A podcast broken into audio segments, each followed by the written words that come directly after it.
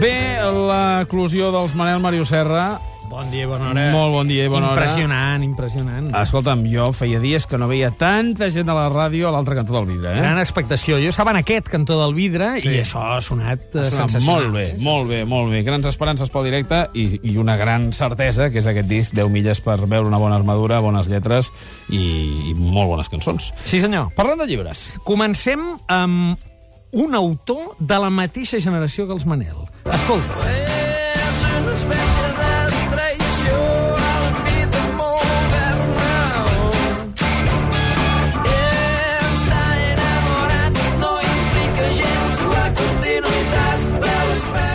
Bé, aquests que sonen són els Very Pomelo de Flix, ja te'ls he portat alguna vegada, però el que és de la mateixa generació i el que serveix per il·lustrar és un llibre de contes d'en Joan Tudor que es diu Abutxacades o Abutxacades, eh? perquè és un autor de les Terres de l'Ebre. Quatre Això- Ls. Sí, senyor. Una gran sorpresa. Ho acaba de publicar La Breu en una col·lecció que engega de narracions. Eh, la Breu té diverses col·leccions de poesia, sobretot, també algun, alguna novel·la. En aquesta eh, ens trobem una dotzena de contes. Són molt diversos.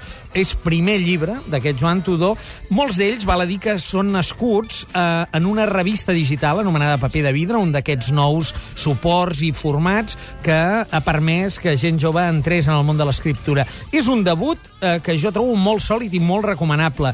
Més enllà de dos primers contes que eh, tenen un tractament estilístic diferent, eh, fins i tot amb una, una intenció diversa, la resta de deu eh, relata episodis aparentment intrascendents, però de la vida actual a les Terres de l'Ebre. I el que interessa, el que es veu, és que aquí al darrere hi ha un autor, clarament hi ha una veu, eh, els personatges estan molt ben perfilats, els diàlegs són atractius, eh, hi ha una, una cert repertori d'estils, eh? hi ha un conte que és una carta, eh, hi ha un conte que és un viatge en tren, en el qual aparentment no hi passa res, però justament per això, com en la gran literatura, hi passa molt. Hi ha un d'aquests dos primers contes que és, el podria signar el Quim Monzó, i n'és d'autor en aquest sentit, un conte eròtic, eh, però alhora entre sexe i amor molt, molt interessant. Uh -huh. En definitiva, una nova veu, una sorpresa, un llibre breu, 12 contes, un molt bon debut, Joan Tudor, a Butxacades, a la Breu.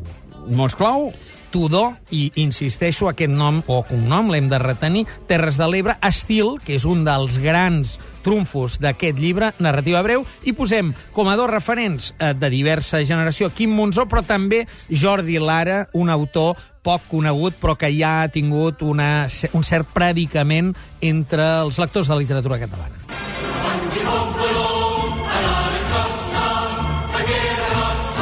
Bon dia, Rossa, il·lustra el rellegit. Sí, senyor, aquest, eh, aquest famós, eh, diguem, himne és per il·lustrar un relat molt breu d'Andrea Camilleri, l'autor sicilià. Es diu La triple vida de Michele Sparaccino. Tres Eh, Ls. Això ho publica Bromera. Li he posat tres Ls perquè hi ha un punt de dir, hosti, això no arriba al llibre, eh? Diguem, aquí tenim eh, 40 pàgines, és un relat. I a partir d'aquí eh, val a dir que amb molt d'interès i amb una bona visió, diguem, editorial, han completat el llibre amb una llarga entrevista a Andrea Camilleri. Ara bé, aquest és un relat breu eh, que ja ha escrit en la seva bellesa a Camilleri, que no s'inscriu ni en la novel·lística històrica ni, ni molt menys en la línia de Montalbano. És un conte absolutament eh, rocambolesc. De, el seu argument parteix d'un infant que neix a mitjanit i aleshores els registres s'encallen perquè no saben si registrar-lo un dia o l'altre. A partir d'aquest fet tan nimi, comencen, això comença a tenir unes conseqüències absolutament terribles i molt ben lligades, molt interessants, que ens porten a la creació d'un personatge, del Michele Sparaccino aquest, que és con, eh, considerat l'anarquista més buscat de tot Itàlia amb unes escenes bèl·liques i una cosa que eh, fora assenyada, no? Eh, molt interessant perquè més enllà de la qüestió argumental et permet dibuixar la, el paisatge d'un país en formació post-garibaldià, diguem, el país en formació italià, i molt recomanable. Ara bé, és mitja hora de lectura. És un relat de 40 pàgines, acompanyat, això sí, amb una interessant entrevista en la qual en Camilleri les deixa anar de l'alçada d'un campanar des de la impunitat que permet la bellesa de Ja. dir, escolta... Ja em vindran a buscar, Ja em no? vindran a buscar i a aquestes alçades dic el que em passa per allà. I ho diu i li passa ben passat. Mots clau? Atzar, guerra, periodisme, manipulació del periodisme, també, en aquest eh, argument, ficció i Itàlia.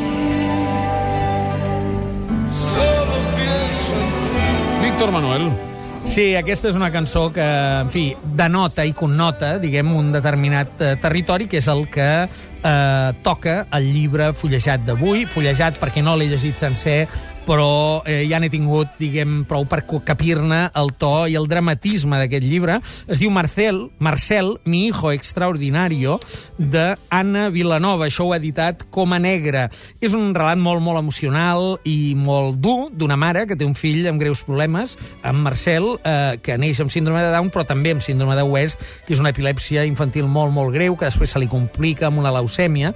Està escrit des d'una valentia i una vitalitat extraordinària, però això no treu que és un cas, diguem, d'una gran gravetat. Anna Vilanova, que és la mare, que és l'autora, és una poricultora polifacètica, tan polifacètica que fins i tot havia estat la cantant de l'orquestra salvatana. Per tant, una persona molt i molt dinàmica que s'enfronta a aquest drama vital en la seva família amb gran enteresa. És un d'aquells llibres que, diguem, sacseja i, per tant, el recomanem des d'aquí. Marcel, mi hijo extraordinario d'Anna Vilanova a Coma Negra. En directe, el Mario, eh, la Cristina diu Has llegit un nou llibre del Jordi Puntí, Els castellans? Sí, senyor. Uh, L'he llegit, i en parlarem des d'aquí, perquè és la reescriptura ampliada d'uns articles que apareixien a l'Avenç i que parlen de la seva infància a Manlleu amb l'arribada de la immigració andalusa, diguem, els nens, els castellans, d'una banda, i els autòctons de l'altra.